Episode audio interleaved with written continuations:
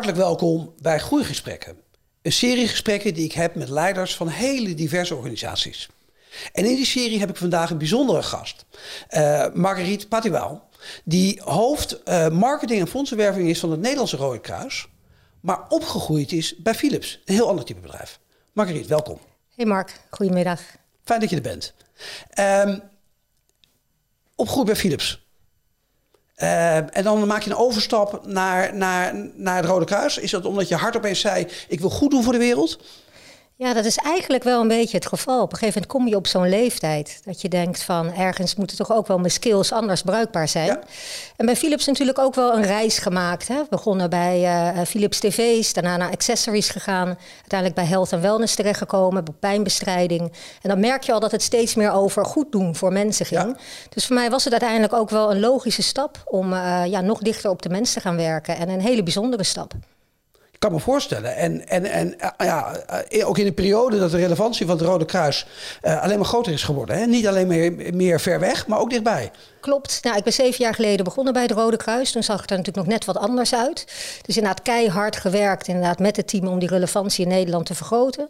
Nou, door corona hebben we daar natuurlijk een aantal uh, stappen in kunnen maken. Maar nu is het inderdaad ook zaak om dat vast te houden. Ja. En te zorgen dat inderdaad dichtbij ook gewoon uh, ja, elke dag relevant is voor het Rode Kruis. En niet alleen maar ten tijde van crisis in Nederland. En als je denkt aan groei, laat even het woord vallen, uh, onderdeel van het onderwerp van deze gesprekken. wat betekent groei voor het Rode Kruis? Nou, Groei voor het Rode Kruis betekent uiteindelijk meer mensen kunnen helpen, meer hulpverlening kunnen doen. Uiteindelijk zijn we voor mensen in nood, om hen te helpen in noodsituaties. Maar daarvoor zijn ook financiële middelen nodig. Dus in mijn rol ben ik inderdaad verantwoordelijk voor het bij elkaar brengen van zoveel mogelijk financiële middelen. Om uiteindelijk alle activiteiten van het Rode Kruis te kunnen financieren. Dus groei is zeker ontzettend belangrijk. En zeker in deze markt waarin je ziet dat toch mensen zich steeds minder structureel aan goede doelen verbinden. Er komen steeds meer goede doelen op. Veel meer jongeren die op een andere manier willen geven. Ja, is groei ook echt wel een uitdaging vanuit de financiële kant. Om te zorgen dat we inderdaad ook naar de toekomst toe gewoon ook duurzaam kunnen blijven, kunnen blijven groeien. Ja, want mensen willen wel goed doen, maar, maar, maar geven aan een goed doel wordt minder een automatisme, stel ik me zo voor. Klopt, klopt. Je merkt dat mensen eigenlijk steeds meer ad hoc gaan geven. Dus ze willen eigenlijk gewoon ook meer geoormerkt geven. Hè, terwijl een goed doel ook ongeoormerkte gelden nodig heeft om de organisatie Even voor de kijkers te thuis, de luisteraars thuis, geoormerkt en niet geoormerkt. Ja. Uh, Geoor, geoormerkt geld geef je aan een specifiek project. Uh, dus dan gaat het echt naar dat project. Uh, en ongeoormerkt geld, ja, dan geef je het eigenlijk aan de organisatie om dat zo goed mogelijk in te kunnen zetten. En dat gaat dan voor een deel naar projecten, maar het gaat er ook om, ja, om te zorgen dat wij onze vrijwilligers bijvoorbeeld kunnen trainen. Hè, om te zorgen dat wij onze ICT-systemen op orde hebben, zodat we onze vrijwilligers goed in kunnen plannen. Dat geldt dus natuurlijk ook kei en keihard nodig. Maar je merkt toch dat er een omslag is dat mensen steeds meer willen geven uh, ja, voor geoormerkte projecten. En da daarom is het voor goede doelen ook steeds moeilijker om een, om een hoofd boven water te houden. En, en, en hoe doe je dat dan? Hoe zorg je nou dat mensen dan toch ongeoormerkt aan jullie gaan geven? Nou, uiteindelijk hè, is het gewoon ook keiharde marketing wat we doen met elkaar. Uh, ik zeg eigenlijk altijd, het is voor mij niet anders dan dat ik een Philips TV aan mensen verkoop. Daarbij moet ik ze raken in hun hart. En van daaruit moet ik vanuit de behoefte gaan kijken van hè, waar wil ik ze raken zodat ze geld geven. Ja, voor het geven aan een goed doel werkt het eigenlijk ook wel hetzelfde. Dus we werken ook uiteindelijk met een segmentatie op behoeften. Nou, we werken natuurlijk met de OGSM. Heeft ons ook ontzettend geholpen om structuur te brengen en focus te brengen. Je noemt OGSM. OGSM staat natuurlijk voor een plan op 1 à 4 met een objective, goals, strategies, measures. Uh, waarom is dat uh, zo belangrijk voor jou? Voor ons is het ten eerste ontzettend belangrijk dat het op 1 à 4 is. Ja. Uh, zodat het eigenlijk gewoon heel crisp is. want vanuit intrinsieke motivatie willen mensen altijd gewoon heel erg veel opschrijven. En, en, en, is het uiteindelijk lastig om het gewoon heel erg concreet te krijgen. Ja, en uiteindelijk helpt het natuurlijk om focus aan te brengen, om discipline aan te brengen. En de keuzes te maken. Wat doen we wel en wat doen we niet vandaag? dus het helpt ons echt om richting te geven, om op het juiste pad te blijven, om het zo maar te zeggen. En dat was in het begin niet, uh, niet makkelijk. Vonden ze heel erg moeilijk. Um, maar uiteindelijk zie je nu wel dat de teams langzaamaan toch echt ook wel die methode uh, te pakken krijgen. En dat ze eigenlijk ook ja, de OGSM ja, elke keer er ook bij pakken van waar moet ik nou de focus pakken. Dus uh, voor ons een ontzettend belangrijk instrument ook om die groei te kunnen blijven monitoren. om te zorgen dat we ook elke keer met elkaar daarnaar kijken. En het ook een gezamenlijk iets is wat, waar we allemaal voor staan. Ja, mooi is dus juist in een organisatie waar mensen werken, zeg maar, ja, met hun hart, is het heel moeilijk om focus aan te brengen. En eigenlijk zeg jij, is het eigenlijk deze organisatie nog belangrijker dan bij uh, nou ja, de, de, de normale, zeg maar, uh, geldgedreven organisaties. Nou, het, het, is natuurlijk fantastisch om te zien eh, wat de, de, de intrinsieke motivatie aan kracht brengt. Wat mensen willen doen. Er wordt kei en kei en keihard gewerkt uh, om inderdaad het leven van mensen te verbeteren. En als we dus, zolang we die kracht op de juiste manier kunnen inzetten en op de juiste manier kunnen kanaliseren, ja, dan is het natuurlijk fantastisch dat je gewoon ook die doelen kan bereiken. Maar op het moment dat, dat, die, dat die richting er niet is en die focus er niet is, het is niet zoals in het bedrijfsleven dat er ergens een bonus is hè, en daar gaan mensen uh, achter achteraan. Ja. Uh, hè, hier is alles belangrijk. En uh, ik denk dat een onderdeel van goed leiderschap bij goede doelen ook zeker is om die richting aan te geven en mensen ook keuzes te laten maken. Het maken van keuzes is ook moeilijk, want het gaat ook om verschillend leed. Hè, en alles is belangrijk. Maar om ze daarbij te helpen, door middel van onder andere de OGSM, uh, ja, dat helpt ontzettend. En ja, inmiddels zijn we ook zover dat we natuurlijk voor elk cluster binnen het Rode Kruis heeft een eigen OGSM. ik, val je weer in de reden. Je praat ja. opeens over clusters. Ja. Ja, nou, we hebben binnen het Rode Kruis clusters. We hebben clusters hulpverlening, nationaal en internationaal. We hebben een cluster communicatie, cluster financiën, personeelszaken. En we hebben ook een cluster marketing en fondsenwerving. Nou, die hebben eigenlijk allemaal een eigen OGSM, die inderdaad met elkaar verbonden ook zijn, zodat we ook de juiste aansluiting vinden. En daarnaast is er ook binnen de clusters zijn er allemaal teams en die werken ook met de OGSM. Uh, om te zorgen dat we ook van elkaar weten wat we doen en goede synergieën kunnen vinden. En het helpt mensen echt om op die manier te werken. Wat het mooie is, wat je zou denken, oppervlakkig gezien, hè, je bent verantwoordelijk voor fondsenwerving. Je zei net al, het is even harde marketing als het verkopen van tv's. Nou, dat begrijp je dan. Hè. Dan ga je met OGM aan de slag, uh, doelen stellen, kiezen, focus aanbrengen, daarmee meer bereiken. Maar, maar ook in alle andere onderdelen, die veel meer zijn van het geld uitgeven, als je het zo mag zeggen, lijkt het dus ook van belang te zijn. Ja, absoluut. Ja, ook daar is focus natuurlijk belangrijk. Hè? Want inderdaad, een wereld waar zoveel leed is, ja. Ja, waar ga je op focus en waar ben je echt van? En waar kan je relevantie claimen? Uh, en het Rode Kruis is natuurlijk van heel veel. Dat is iets wat ons soms ook wel eens tegenwerkt. Hè? Waar ben je nou echt van? Hè, dus uiteindelijk hebben we ook uh, met het cluster, met het hele Rode Kruis, een strategie gemaakt. Hè? En dat is dan een echt best wel een lang proces. Want ook de vrijwilligers die, uh, die hebben daar natuurlijk ook inspraak in. Maar uiteindelijk om op de focus te komen dat wij er zijn voor mensen in nood en voor mensen in noodsituaties. Waarbij mensen in nood het echt gaat om het ontbreken van basislevensbehoeften. Nou, dan, dan kom je uiteindelijk ook uit bij de meest kwetsbaren waar we voor moeten zijn. En dat geeft gewoon heel veel focus ook in ja, waar, waar, waar, eh, welke mensen help je nou wel en welke niet. En dat is soms heel erg moeilijk, want het gaat altijd om menselijk leed. Maar uiteindelijk zijn we ook een professionele organisatie die moeten draaien op donateursgelden. En die dus ook die keuzes moeten maken waar we de grootste impact hebben. En dat betekent dus ook dingen stoppen. Klopt. En dat lijkt me helemaal moeilijk in, in waar mensen het hè, met, hun, met hun hart en ziel doen, letterlijk. Klopt. En zeker ook in een organisatie die met vrijwilligers werkt. Uh, heeft ook best wel wat pijnlijke gesprekken opgeleverd. Hè, een aantal jaar geleden hebben we onze sociale hulp afgebouwd. Niet omdat we het niet belangrijk vinden, maar wel omdat we denken dat er andere organisaties zijn die daar beter uh, uh, in zijn. En die dat beter kunnen doen van wie ze zijn, vanuit wie ze zijn. en uiteindelijk om ons ook meer focus te geven, om er echt te zijn voor die basislevensbehoeften.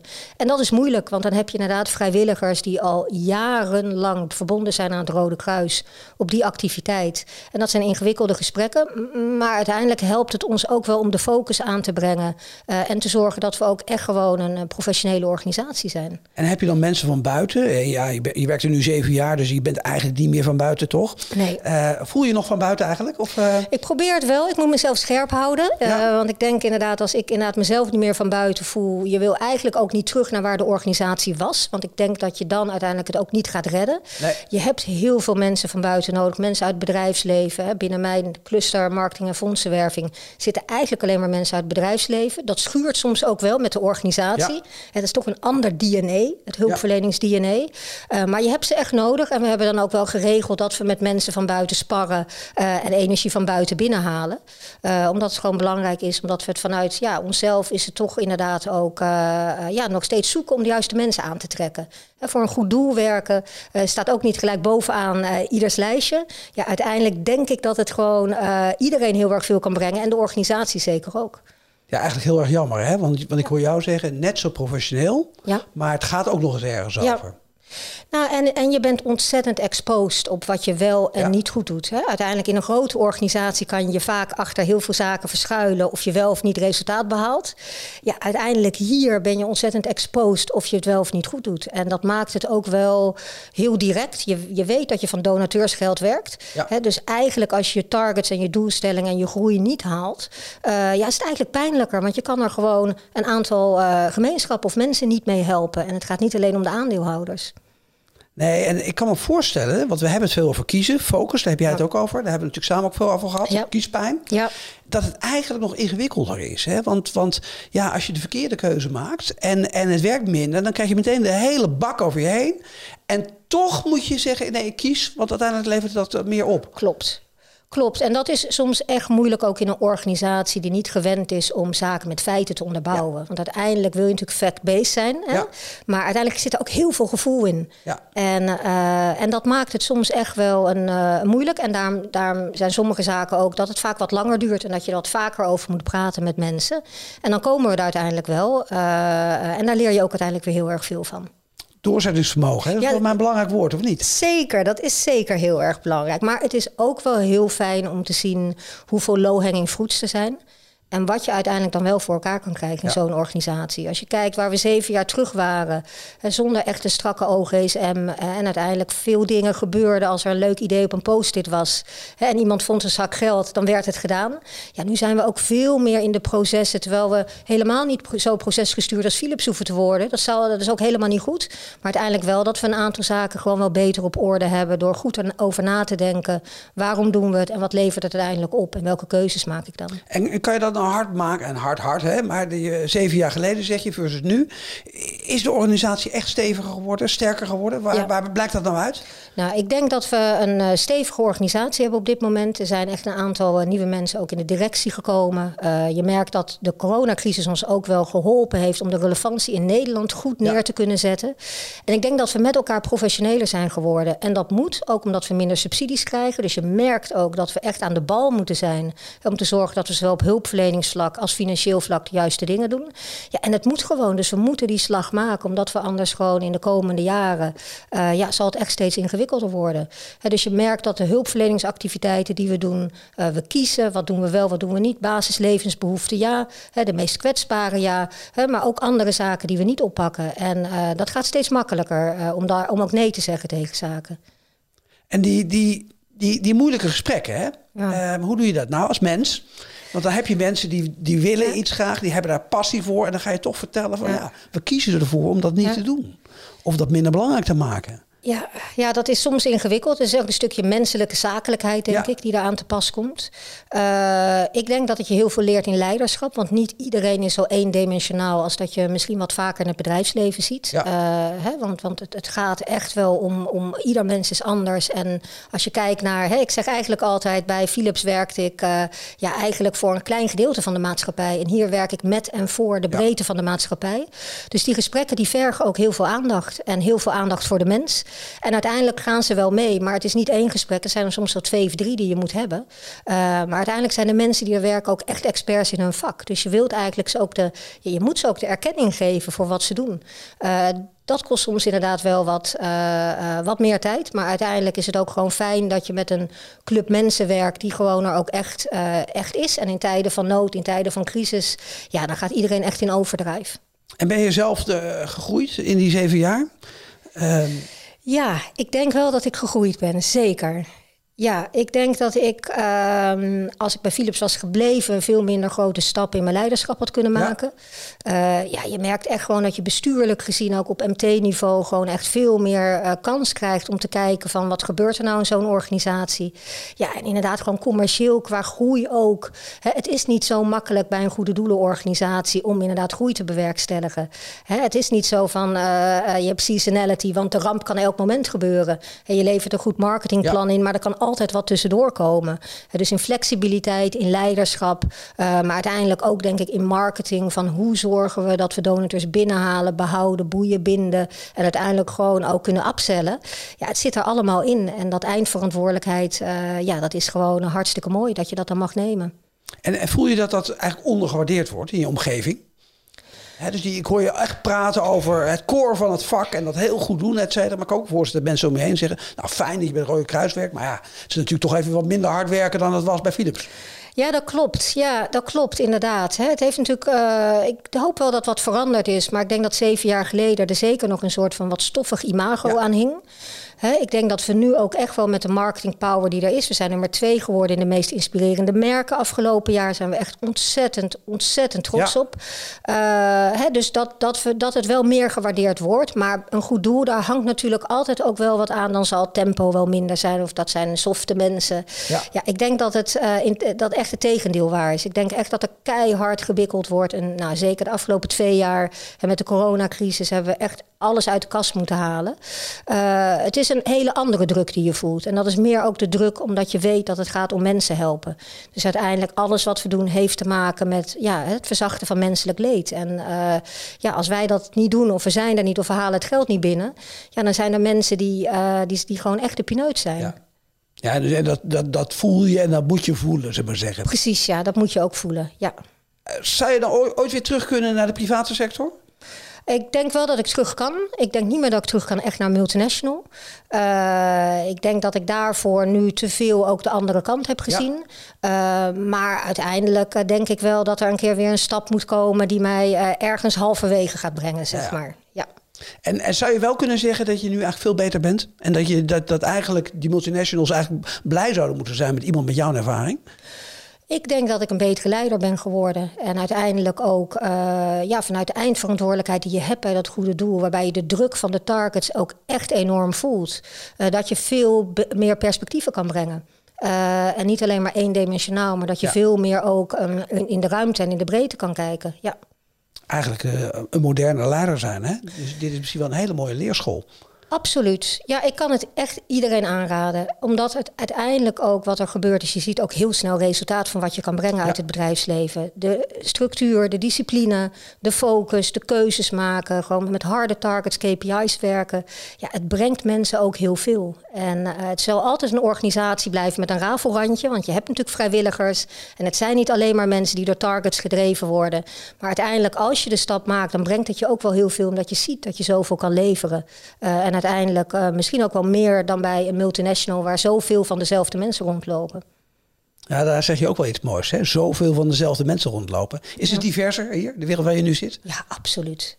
Absoluut. We geven ook bijvoorbeeld toegang aan, uh, aan mensen die uh, beperkte toegang tot de arbeidsmarkt ja. hebben. He, dus je merkt dat er daar ook een aantal van in de organisatie zitten. Maar het gaat gewoon echt dwars door de hele maatschappij heen. De mensen met wie je ook werkt. En uh, ja, dat vergt een andere manier van aansturen. Maar hoe cool is het dat je ook daarmee mag werken en ook voor jezelf kan leren ja, hoe het is om met zulke mensen te werken, ze aan te mogen sturen en ook van hen te kunnen leren. En ja, ik kan me voorstellen dat het in het begin nog niet meevalt. Nee, zeker. Af en toe wel eens een beetje denkt van, oeh, waar ben ik aan begonnen? Zeker, ja, dat was uh, de eerste jaren zeker zo. Ja. Af en toe heb ik het nog steeds heel eerlijk. Uh, maar dan kijk ik ook naar alle wijze lessen die ik van iedereen heb geleerd. En uh, dan denk ik dat als ik bij Philips was gebleven, dat ik veel minder rijke lessen had gehad. En dat het meer van hetzelfde was, was geweest. Ja, mooi gezegd. Als je nou terugkijkt, die zeven jaar, en je zou één ding moeten benoemen waarvan je zegt, ja, dat heb ik gewoon echt goed gedaan. Daar ben ik echt trots op. En ook één ding dat je zegt, ja, dat heb ik gedaan. Dat als ik een volgende keer doe ik dat niet meer. Of iemand anders zou ik dat ook echt afraden. Ja. Dat zijn de belangrijkste learnings. Belangrijkste learnings? Nou, ik denk inderdaad, hè, nou, het is misschien een beetje een open deur, maar hè, gelijk beginnen met een goed plan hè, en zorgen dat er gezamenlijk draagvlak is. Nou, we hebben gekozen voor de OGSM. Ja. ja, weet je, de combinatie met jou en jouw team, dat heeft gewoon ontzettend geholpen. En uiteindelijk zijn we daar nog mee bezig. We zijn zeven jaar verder. Hè. We zijn voor marketing en fondsenwerving met de tweede OGSM bezig. De rest van de organisaties ook mee. Dus ik denk dat dat ontzettend een headstart heeft gegeven om uiteindelijk ook de juiste dingen te gaan doen. Uh, dat kan ik echt iedereen aanraden. Ja, tegen, uh, tegenslag wat, wat lastig is in een organisatie als de Rode Kruis... is dat er ook een hele vrijwilligersorganisatie is. En dat is wel de stap van en naar een andere branche, goede doelen, ja. en naar een vrijwilligersorganisatie. Ja, daar heb ik me in het begin wel op stuk gelopen. Uh, omdat je dan uiteindelijk ook lokale fondsenwerving bijvoorbeeld uh, moet doen. En dat is natuurlijk ook belangrijk. Ja. Hè, maar vrijwilligers te vragen om fondsen te werven is best wel ingewikkeld. Want het moet ook echt wel in je hart zitten. Uh, en dat is natuurlijk ook wel een vak apart. En vrijwilligers die doen heel graag hulpverlening. en dat is natuurlijk fantastisch dat ze, dat ze dat kunnen en willen doen. Allemaal vrijwillig. Dus dat ja, heb ik ontzettend veel respect voor. Maar uiteindelijk het fondsenwervende stuk. ja, ik ben gestopt met me blind te staren hè, op het feit dat eigenlijk ook vrijwilligers zouden moeten fondsen werven want uiteindelijk uh, wil je ze in hun kracht zetten. En fondsen werven is uiteindelijk niet hun kracht. dus uiteindelijk denk ik dat ik mezelf um, best wel wat hoofdpijn uh, bespaard had. En ook wat mensen om me heen wat irritatie bespaard had. als ik daar eerder tot die conclusies was gekomen. Nou ja, soms, soms moet je het ervaren voordat je het weet. Hè? Klopt. En, ehm, Klopt. en nu weet je het ook echt. En, ja. en, en is een vrijwilligersorganisatie nou ook wel iets van deze tijd eigenlijk? Of moeten we daar gewoon mee stoppen? Nou, en ook het Rode Kruis en alle andere goede doelen of betere doelen allemaal professioneler gaan managen. Ja, ik denk omdat het Rode Kruis uiteindelijk ook een, uh, een uitvoering in Nederland heeft, heb je natuurlijk aan je vrijwilligers in Nederland ontzettend veel als uitvoerend hulpverleningsorgaan. die doen natuurlijk EHBO, die staan op evenementen, die staan bij de teststraten, uh, vaccineren. dus ik denk dat dat echt gewoon uniek is dat we dat kunnen doen. ik denk voor het stuk fondsenwerving en marketing, ja, daar uiteindelijk uh, wil je dat gewoon met professionals doen. want dan kan je eigenlijk ook alleen maar de uitdagingen aan die je nodig of die je, die je aan moet gaan en die er gewoon spelen in, uh, in het hele donateurslandschap. Ja, dus eigenlijk zeg je, het is fantastisch om een vrijwilligersorganisatie te hebben, in ieder geval deels. Maar zet ze dan ook in waar vrijwilligers uh, voor geschapen zijn. Absoluut. In plaats als je dingen gaat op, op, opduwen, opdrukken, ik weet niet hoe het uitdrukt, die ze eigenlijk niet passen. Klopt, klopt absoluut. Ja, ja. Als jij nou uh, naar voren kijkt, hè, je zei net al wel, hè, nummer twee, meest inspirerende merken. Ja. Uh, prachtig resultaat. Wie staat trouwens nummer één? Wie, wie moet je nog voorbij? Uh, dat weet ik even snel, snel niet meer uit mijn hoofd. Dat is wel heel erg. Mooi, wel weet heel Ik weet, weet dat wij nummer twee zijn. Ja, nee, het is too good to go nou natuurlijk. Het, het is too good to go. Ah, ik heb hem weer. Too good to go. Ja, ja, eh, prachtig merk uh, natuurlijk. Ja. Welke, welke droom heb jij nog als laatste vraag voor, voor het Rode Kruis? Of wat, wat wil jij nog met het Rode Kruis, het Nederlands Rode Kruis gaan bereiken? Ja, dat is een uh, hele mooie afsluitende vraag. Kijk, uiteindelijk gaat het er mij om dat we uiteindelijk duurzaam hulpverlening kunnen financieren. Op welke manier dan ook. En als ik nu vooruit kijk, ja. hè, dan vind ik het best wel heel erg moeilijk om te kijken van waar gaan goede doelen over tien jaar nog hun geld ja. vandaan halen. En ik zou het heel erg mooi vinden uh, om die eerste stappen met het Rode Kruis te zetten. Om eigenlijk weg te gaan van het traditionele geven, de traditionele donateurs. En eens te gaan verkennen van waar ligt die stip op de horizon. Zodat uiteindelijk gewoon hulp verleend kan blijven worden. Uh, wetende dat het hele donateurslandschap zo verandert. Uh, en dan moeten we denk ik naar nieuwe businessmodellen kijken, naar nieuwe vormen van hulpverlening. Uh, en dat is natuurlijk gewoon ontzettend inspirerend om dat te kunnen doen. Wauw, dat is echt wel heel mooi. Je gebruikt het woord duurzaam, maar dan duurzaam, zul je haast zullen zeggen, in de ouderwetse betekenis van langdurig. Klopt. Uh, het huidige model van fondsenwerving uh, loopt aan zijn einde. Ja. En, en op zoek naar het nieuwe model, het model van de toekomst. En daarbij het voorbeeld geven aan anderen. Klopt, ja. Ja. Margriet, ik wens je daar heel veel succes bij. Dankjewel, En Mark. dankjewel voor dit gesprek. Jij ook, dankjewel. Voor de luisteraars en kijkers, dit was een, wat mij betreft, zeer inspirerend gesprek in de serie Groeigesprekken. Als je geïnteresseerd bent in andere groeigesprekken, ga dan naar onze website en dan vind je er nog veel meer. Dank jullie wel.